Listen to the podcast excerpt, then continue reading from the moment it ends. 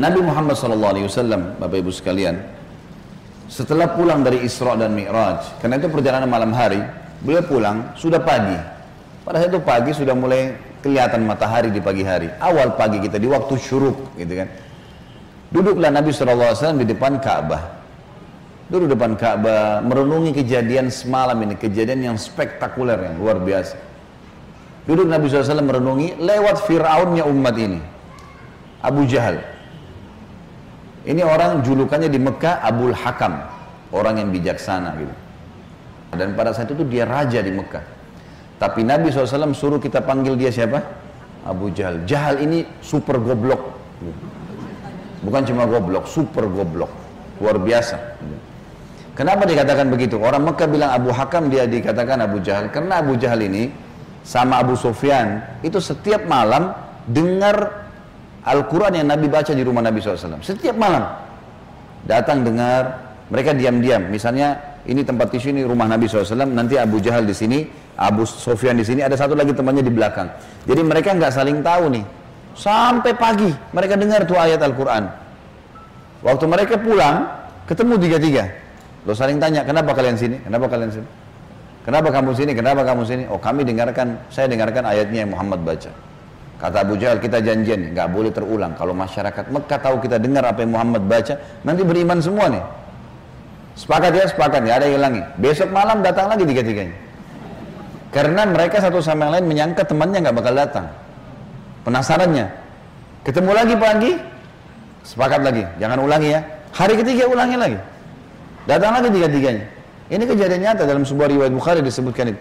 Maka tiba-tiba saja setelah itu saya lupa namanya satu orang tokoh Quraisy itu yang bilang sama Abu Sufyan, wahai Abu Sufyan, bagaimana pendapatmu apa yang kau dengar dari Muhammad? Kata Abu Sufyan, yang saya tangkap, ini kita bukan anak-anak nih. Ini apa yang kita dengar tiga hari kita janjian tidak datang, tapi kita datang terus karena penasaran.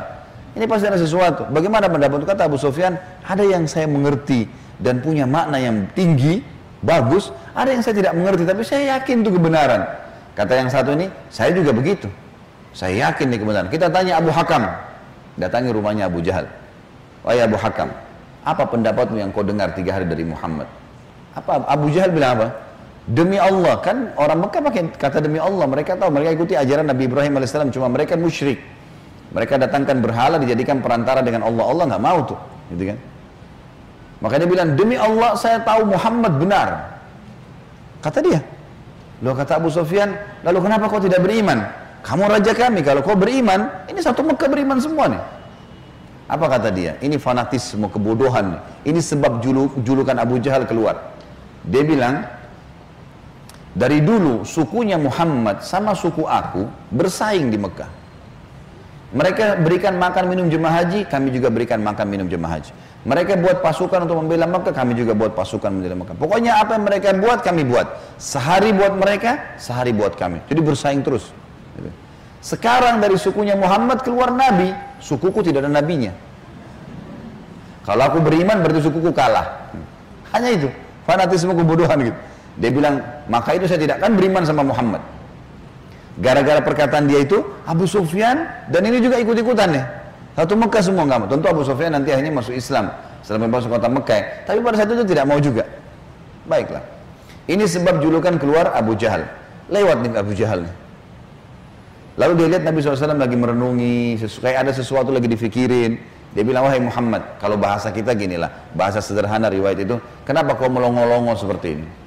Kok kamu kayak orang bingung, ada apa?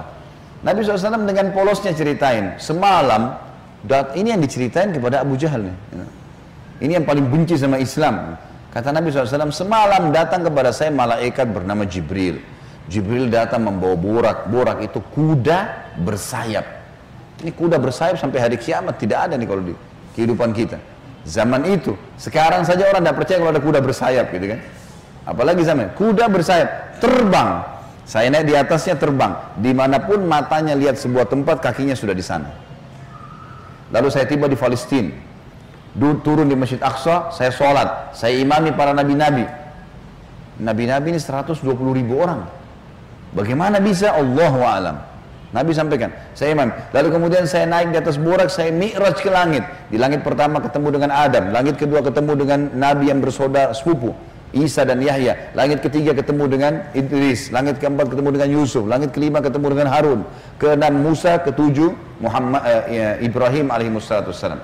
Tentu kisah Isra Mi'raj panjang ya. Karena perjalanan antara Mekah ke Palestina itu selama perjalanan Nabi SAW diperlihatkan tentang jenis-jenis azab kubur. Saya nggak ceritain di sini. Yang jelas Nabi SAW ceritain semua tuh, apa pun yang terjadi. Saya ringkaskan saja. Kemudian waktu Mi'raj ke langit, Nabi SAW ketemu dengan Nabi-Nabi lalu ngobrol. Sempat ngobrol sama Adam, ngobrol sama Yahya dan Isa, ngobrol sama Yusuf, sama Idris, sama Harun, sama Musa, sama Ibrahim alaihissalam. Tapi yang masyhur riwayat adalah Nabi SAW banyak berbicara dengan Musa. Pada saat menerima waktu 50 waktu sholat, beliau turun, di langit ketujuh Ibrahim tidak ngomong, langit keenam Musa tahan. Lalu bertanya, berapa yang diperintahkan umat Muhammad? Berapa yang Allah perintahkan? Kata Nabi SAW, 50 waktu sholat. Minta keringanan, umatmu tidak bisa. Lalu kemudian Nabi SAW kembali. Minta diringankan 5, jadi sisa 45. Ditahan lagi sama Musa. Musa, ber, Musa berkata, berapa hai Muhammad? Kata Nabi SAW 45. Masih berat, minta ringankan. Terus saja Musa AS menahan Nabi SAW 5, 5, 5, 5, sampai sisa 5 nih. Yang kayak kita kerjain sekarang. Itu pun Musa masih bilang, minta keringanan. Bayangkan Bapak Ibu sekarang kalau 50 waktu sholat per 15 menit azan. Siap nggak? Ini aja 5 waktu sholat sudah ngos-ngosan gitu.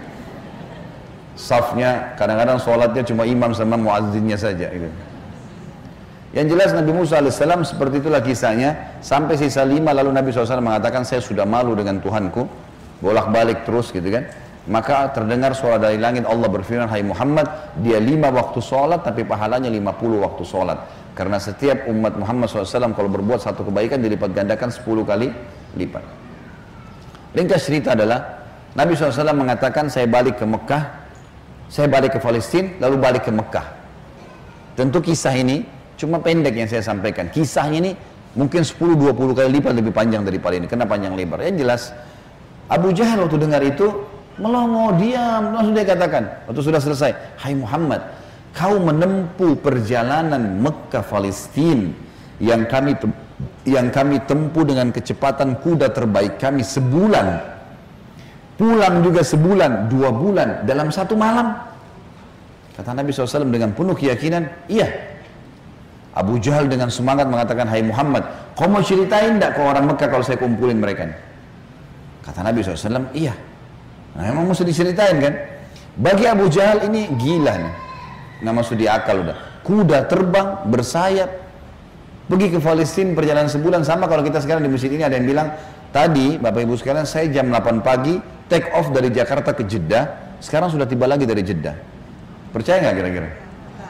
9 jam pergi 9 jam pulang. Ada pesawat loh ya. Bagaimana zaman dulu? Sebulan pergi sebulan pulang satu malam bayangkan dan ini juga sebuah pelajaran Bapak Ibu sekalian, tidak gampang menjadi sahabat Nabi. Bapak Ibu harus bersyukur, saya sangat bersyukur kita lahir sekarang. Betul sahabat punya fadilah, tapi kalau kita hidup zaman dulu kita bisa seperti Abu Jahal.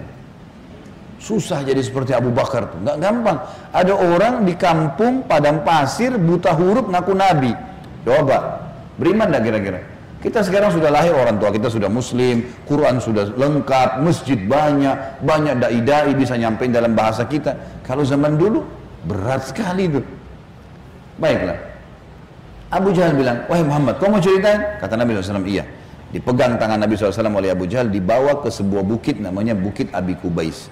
Bukit ini Bapak Ibu sekalian, dulu di zaman itu ada di sebelahnya Safa dan Marwah. Ini khusus untuk iklan, untuk iklan saja naik orang naik ke atas dan yang, yang boleh naik cuma budak. Ada satu budak ditugasin dia cuma dia. Yang lain nggak boleh naik. Kalau naik dipenggal nih nggak boleh. Ini khusus berita penting. Seperti kalau ada yang mau serang Madi, Mekah atau ada kepala suku yang mati ada anak kepala suku yang lahir seperti itulah. Abu Jahal naik ke atas bukit Abi Kubais bersama Nabi SAW. Waktu orang-orang lihat ada dua orang. Pertama kali dalam sejarah Mekah, bukit Abi Kubais dinaiki oleh dua orang. Dan mereka kaget di atasnya raja mereka Abu Jahal. Dan yang satu adalah Nabi Muhammad SAW, orang terpercayanya Mekah. Ini ada apa nih? Maka orang-orang kafir kumpul karena Abu Jahal. Orang-orang beriman kumpul karena Nabi Muhammad SAW. Waktu mereka sudah kumpul, Abu Jahal bilang, wahai masyarakat Mekah, dengarkan baik-baik apa yang Muhammad mau sampaikan. Ini kalau Abu Jahal niatnya baik mau nyampein dakwah, luar biasa pahalanya kalau dia masuk Islam. Masalahnya tidak, dia mau mempermalukan Nabi SAW. Niatnya itu. Maka dia bilang, silakan hai Muhammad. Nabi SAW ceritakan dengan polosnya. Datang Jibril, borak, kuda terbang, Palestina, sholat, dan, dan, dan, dan, dan, sampai selesai. Lengkap, panjang lebar. Allahu alam berapa jam waktu itu. Biarlah disampaikan. Sampai selesai semua apa yang terjadi. Orang-orang Mekah yang kafir Bapak Ibu sekalian bertambah kufur. Ini Muhammad gila nih. Mekah Palestina pulang pergi dua bulan satu malam satu malam dan ini bukan satu malam setengah malam gitu kan pulang pergi. Ini nggak masuk di akal. Ini baru ke sana saja nggak percaya. Apalagi naik ke langit ketemu ya udah panjang ceritanya. Belum lagi cerita tentang surga dan neraka diperlihatkan adab-adab kubur. Tapi ya sudah. Waktu itu yang sudah beriman pun di kalangan sahabat benar nggak ya? Tapi ini Nabi, nggak mungkin salah. Mereka sempat bimbang. Abu Jahal turun dari bukit Abi Kubais sambil ketawa, senyum. Sambil dia ngomong ada sahabat rupanya yang ikutin, Tahu nih Abu Jahal tadi yang ajak Nabi nih, diikutin. Dia bilang, sekarang agamanya Muhammad sudah habis. Dia pergi ke Darun Nadwa, tempat kumpulnya orang-orang Quraisy, lalu dia teriak. Dia bilang, hai Quraisy, berita gembira. Apa itu Abu Hakam? Agamanya Muhammad sudah habis. Udah nggak ada lagi agamanya. Kata mereka memang kenapa? Apa kata Abu Jahal? Muhammad mengarang cerita dusta. Katanya begini, begini. Abu Jahal ini tidak sadar sedang nyebarin berita apa? Isra dan Mi'raj. Dia lengkap, dia sampaikan ke orang semua nih. Datang malaikat namanya Jibril, datang burak, terbang ini, semua lengkap adab-adab kuburnya, disebutin sama dia. Semua lengkap disebarin. Lalu orang-orang Quraisy diam semua. Mau bilang apa nih rajanya dan mereka juga memang masih belum beriman kepada Nabi SAW. Lalu kata Abu Abu Jahal, ada satu orang. Satu orang ini, kalau kalian berhasil menggoyahkan keyakinannya, habis benar agamanya Muhammad. Kata mereka siapa itu? Kata Abu, Abu Jahal, Abu Bakar. Cari Abu Bakar. Abu Bakar ini Bapak Ibu sekalian, cirinya beliau radhiyallahu anhu itu badannya kurus, ya. Saking kurusnya kalau pakai sarung melorot terus. Nah iya, radhiyallahu anhu. Tapi yang perlu digarisbawahi, Islam bukan melihat kekarnya fisik, tapi kekarnya iman dalam hati. Allah bilang A, A, Allah bilang halal, halal, Allah bilang haram, haram. Perintah dikerjakan, larangan ditinggalkan. Itu konsep dasarnya, gitu kan. Abu Bakar ini ditahu tentang masalah keyakinannya sampai apa kata Nabi SAW Lauzina iman Abi Bakar fi kiffah Wa uzina iman hadil ummah fi kiffah La rajah iman Abi Bakar Kalau keyakinannya dan imannya Abu Bakar ditimbang di satu timbangan Dan keyakinannya serta keimannya seluruh umat ini Semua sahabat, semua tabi'in, semua yang sudah mati Yang masih hidup dan yang belum lahir Semua, kita di sini juga termasuk Ditimbang iman kita semua dibandingkan Abu Bakar, yang satu timbangan pasti lebih berat keyakinannya Abu Bakar. Kata Abdullah bin Mas'ud, sahabat Nabi radhiyallahu yang mulia dengan ibadahnya yang luar biasa, kami tidak ada bedanya dengan Abu Bakar dari sisi ibadah. Karena Abu Bakar sholat kami sholat, Abu Bakar puasa kami puasa, Abu Bakar sadaqah kami sadaqah, Abu Bakar ya jihad kami jihad. Tapi kami tidak bisa menyayangi Abu Bakar dari sisi keyakinannya. Mustahil kalau Rasulullah sudah bilang kerjakan apa pun konsekuensinya. Mau wajib, mau sunnah, nggak ada toleransi, nggak ada keraguan. Yang haram, nggak ada lagi. Haram, haram, nggak ada ceritanya. Seperti itulah konsepnya. Jadi sangat luar biasa. Yang jelas Bapak Ibu sekalian, mereka bilang cari Abu Bakar. Dan juga ada hadis supaya saya tidak lupa ya, kata Nabi SAW tidak ada seseorang yang menginjakkan telapak kakinya di muka bumi setelah para nabi-nabi yang paling afdal lebih daripada Abu Bakar. Jadi setelah Nabi langsung dia radhiyallahu anhu. Jadi orang yang sangat luar biasa. Datanglah orang-orang Quraisy ini ke kebunnya Abu Bakar di kebun kurma di pinggir kota Madinah dan orang sahabat-sahabat tadi ini pada ikut pada ikut gitu kan. Sampai di kebunnya Abu Bakar, Abu Jahal teriak-teriak, wahai Abu Bakar, keluarlah, Abu Bakar keluar, Abu Bakar keluar, kaget Abu Bakar. Belum pernah dalam sejarah hidupnya Abu Bakar itu, tokoh-tokoh Quraisy, kepala-kepala suku datang ke kebunnya. Untuk apa? Dan belum pernah dalam sejarah Mekah orang beriman sama orang kafir jalan sama-sama. Maka Abu Bakar bilang, ada apa wahai Abu Jahal? Dia bilang, sahabat Muhammad gila. Masa dia cerita rekayasa bohong, cerita bohong begini, begini, begini. Abu Bakar ini belum dengar dari Nabi. Abu Jahal yang jelasin. Begini, begini, panjang lebar sampai selesai. Sampai kembali lagi ke Mekah. Abu Bakar sudah tahu nih, apa tujuannya Abu Jahal? Kalau dia mau beriman, dia sudah beriman kepada Nabi. Tapi datang sini mau ngacoin. Kata Abu Bakar ada dua riwayat. Riwayat yang pertama, wahai Quraisy, bukan cuma Abu Jahal, wahai Quraisy, Muhammad mengaku turun wahyu dari langit ke rumahnya dan saya percaya. Apa bedanya dengan dia kalau naik ke langit? Sama saja. Tidak akan menggoyahkan saya. Riwayat yang kedua yang unik nih. Dia mengatakan, wahai Quraisy, ketahuilah kalau depan mata saya ada tembok warnanya putih, jelas putih. Muhammad bilang tidak Abu Bakar, itu hitam. Saya akan bohongkan mata saya dan saya bilang hitam. Ini luar biasa. Mau dia mau digoyahkan bagaimana nih? Tembok putih? Enggak, salah Abu Bakar. Oh iya, salah. Matanya salah.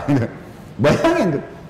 Apa kira-kira bisa menggoyahkan keyakinan seperti ini? Luar biasa. Pokoknya Allah Rasulnya bilang selesai, nggak ada toleransi. Gitu kan? Sudah selesai, semua dikerjain. Biar seluruhnya benci. Tembok warna putih, Muhammad bilang hitam, saya bilang iya, mata saya salah, hitam berarti. Abu Jahal dan orang Quraisy diam. Ini nggak bisa lagi digoyahkan. Abu Bakar radhiyallahu anhu tahu ada masalah nih. Dia tanya orang sahabat-sahabat, di mana Rasulullah SAW? Kata mereka di Bukit Abi Kubais itu, dikurmuni orang. Abu Bakar ke sana. Pas tiba di sana dari jauh Abu Bakar teriak, "Ya Rasulullah, ya Rasulullah!" suara keras sengaja. Orang waktu dengar orang teriak, semua bubar-bubar kasih jalan. Seperti kalau di masjid ada yang teriak dari belakang panggil saya, mungkin bapak ibu akan lihat ke arahnya. Suaranya keras sengaja. Nabi SAW melihat yang datang Abu Bakar senyum, udah tahu siapa yang datang. Ini tokohnya umat luar biasa. Jadi dia bisa membalik Bapak Ibu sekalian Abu Bakar dengan hikmah Allah. Satu Mekah yang ragu tadi, yang kafir dan yang beriman pun tentang Isra Mi'raj ini kembali semuanya percaya kalau itu terjadi. Dia bisa membalik itu dengan hikmah Allah. Ini kisahnya begitu. Abu Bakar lalu mengatakan, Ya Rasulullah dengan suara keras. Abu Jahal datang ke kebun saya dan berkata, kalau anda menceritakan begini, begini, begini, begini. Diceritain semua sampai, sambil jalan sambil ngobrol nih, sambil bicara. Jadi orang pada makin nyebar nih berita Isra Mi'raj. Ternyata Abu Bakar sudah dengar. Sampai selesai. Pas tiba naik di bukit Abi Kubais sebelah Nabi SAW, Abu Bakar teriak dengan suara keras. Benarkah ya Rasulullah? Ini pertanyaannya. Dan di sini Abu Bakar tadi di kebunnya ingin meredam ke uh, kekufurannya orang-orang kafir. Sudah berhenti gara-gara tembok putih jadi hitam tadi. Kemudian dia sekarang ingin mengembalikan imannya para sahabat yang sudah kendor nih.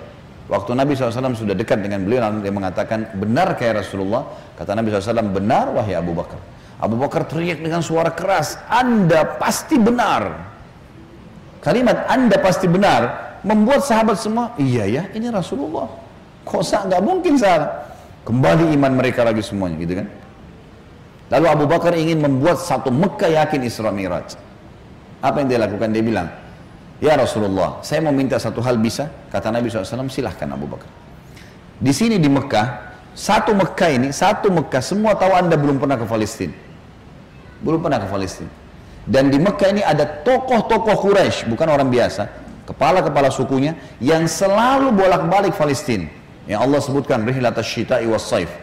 Musim dingin dan musim panas, rekreasi mereka. Itu ke Palestina dan ke Yaman. Tiap hari. Mereka menghafal tuh Palestina. Pintu gerbangnya, jalannya, pasarnya, semua dikenal. Masjid Aqsa mereka tahu semuanya. Bahkan mereka tahu warnanya segala. Apakah anda bersedia ya Rasulullah kalau saya panggil mereka, anda menceritakan apa yang anda lihat di sana? Pintu gerbangnya, jalannya, bentuk-bentuk rumahnya, apa saja. Kata Nabi SAW tentu saja. Lalu Abu Bakar panggil orang-orang Quraisy, wahai tokoh-tokoh Quraisy, kumpullah, dipanggil semua, kumpullah. Datang Abu Jahal grup nih sama teman-temannya semua.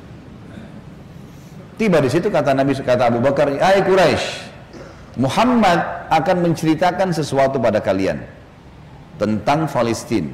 Kalian semua tahu Muhammad belum pernah ke Palestina. Kalian harus tahu kalau Muhammad menceritakan sesuatu tentang Palestina persis seperti apa yang kalian tahu, warna pintu gerbangnya, jalannya, rumah-rumahnya, pasarnya, masjid aksanya, harus sportif mengatakan Muhammad benar. Kalau ada satu saja, satu saja yang Muhammad ceritakan tidak sesuai dengan apa yang kalian tahu, kalian punya hak mendustakannya. Setuju? Setuju. Muhammad gak pernah lihat, gitu kan? Kalau zaman sekarang, Bapak Ibu sekarang saya mau ceritakan Bapak Ibu Masjid Aqsa, sekarang bisa. Tinggal pakai foto satelit, keramik yang keramik yang pecah pun saya bisa ceritain. Ini keramiknya ada yang pecah, yang kesekian dari tiang sini. Bisa dilihat. Imamnya lagi sholat, bisa kelihatan. Zaman dulu bagaimana? Harus lihat dengan mata kepala. Nggak mungkin tidak. Kata Quraisy baik kami setuju. Kata Abu Bakar silakan ya Rasulullah. Dalam penutupan hadis Bukhari kata Nabi SAW Allah Azza wa membukakan Palestina di depan mata saya. Seperti saya lagi lihat. Maka saya menceritakan mereka pintu gerbangnya, jalan-jalannya, pasar-pasarnya, semuanya. Bahkan saya bisa menghitungkan buat mereka tiangnya Masjid Aqsa. Gitu kan? Dan subhanallah, setiap kali Nabi SAW sebutkan tentang ciri Palestina dan Masjid Aqsa, orang-orang Quraisy dari tokoh-tokoh Quraisy mengatakan Muhammad benar, Muhammad benar, Muhammad benar. Terus, dan ini jumlahnya belasan orang nih. Tokoh-tokoh mereka mengatakan Muhammad benar, Muhammad benar. Pengakuan mereka sendiri. Ini nggak dusta, ini benar. Betul jalannya begini, betul rumahnya begini, betul pasarnya begini, betul Masjid Aqsa begini. Mereka akuin sendiri. Maka gara-gara kasus itu, satu Mekah jadi percaya Isra Miraj. Baik. Abu Bakar sudah selesai ini perannya. Sahabat sudah kembali imannya, orang-orang kafir sudah tidak jadi lagi bisa membatalkan keimanannya Nabi SAW dan agamanya. Maka Nabi SAW ingin menutup Isra Mi'raj dengan kejadian yang luar biasa. Kata Nabi SAW, wahai Quraisy, ada satu bukti lagi. Kalau kalian yakin dengan bukti itu kalian akan beriman pada saya. Kalau kalian tidak yakin, kalian tidak akan beriman selamanya. Kata mereka apa itu hai Muhammad? Kata beliau, waktu saya sedang pulang dari Palestina ke Mekah, di atas burak tuh, kuda yang bersayap, saya melihat ada kafilah kalian. Kafilah ini tiga ekor unta ke atas. Sedang jalan. Jumlahnya sekian belas unta, di atasnya ada fulan, fulan, fulan, orang-orang Quraisy, fulan, fulan. Dan unta yang paling depan, unta berwarna putih, di lehernya ada kain warna merah. Di tengah-tengah lembah, mereka sempat kehilangan unta dan saya lihat unta mereka. Lalu saya teriak, wahai Quraisy, unta kalian di lembah fulan. Karena Nabi kenal semua nih siapa yang ada di situ. Orang-orang Quraisy tokoh-tokohnya. Ada lembah fulan, ambillah. Maka mereka mengikuti suara saya dan mereka menemukan unta mereka. Kafilah itu dua hari lagi sampai di Mekah. Tanya pada mereka. Ini detail sekali nih. Kalau sekarang orang dari Bandung ke Jakarta, saya mau tahu mobilnya di mana, saya bisa ikutin. Sebentar nih ada kamera, ada satelit, canggih. Zaman dulu bagaimana caranya ceritain kecuali kalau lihat dengan mata kepala. Ini bukti real. Setelah dua hari Bapak Ibu sekalian, satu kota Mekah, perempuannya, laki-lakinya, orang tua, anak-anak yang kafir, yang beriman, semua kumpul. Di pintu gerbang Mekah namanya pintu Bani Syaibah, suku Syaibah. Mereka kumpul semua, mereka nunggu nih, benar tidak di kafilan? Ditunggu itu sudah heboh satu Mekah nih. Subhanallah, menjelang waktu duhur, Lewat betul tuh kafilah. Persis seperti Nabi ceritain. Jumlah untahnya, nama orang-orangnya, unta paling depan warna putih di lehernya ada kain merah. Karena penasaran orang-orang Quraisy di Mekah ini bilang, Hai Quraisy dari di kafilah, kalian dari mana? Kata mereka kami dari Palestina. Lalu kata bertanya lagi orang Mekah nih, apakah kalian sempat kehilangan unta di tengah jalan? Mereka bilang iya. Lalu apa yang kalian lakukan? Pertanyaan bertubi-tubi kami mendengarkan suara entah dari mana mengatakan wahai Quraisy unta kalian di lembah fulan kami ikuti kami dapat unta kami sekarang orang-orang Quraisy di kafilah penasaran wahai Quraisy Mekah dari mana kalian tahu nih belum satu orang pun di antara kami masuk ke Mekah belum ada gosip nih kok bisa sudah sampai belum ada masuk nih. mereka sepakat mengatakan dari Muhammad semua orang mengatakan dari Muhammad. Semenjak itu semuanya percaya Isra Mi'raj terjadi. Ini tanda-tanda yang luar biasa. Makanya Allah turunkan surah nomor 17 khusus namanya surah Al-Isra menceritakan masalah itu sebuah keajaiban yang luar biasa mukjizat Nabi Muhammad sallallahu alaihi wasallam.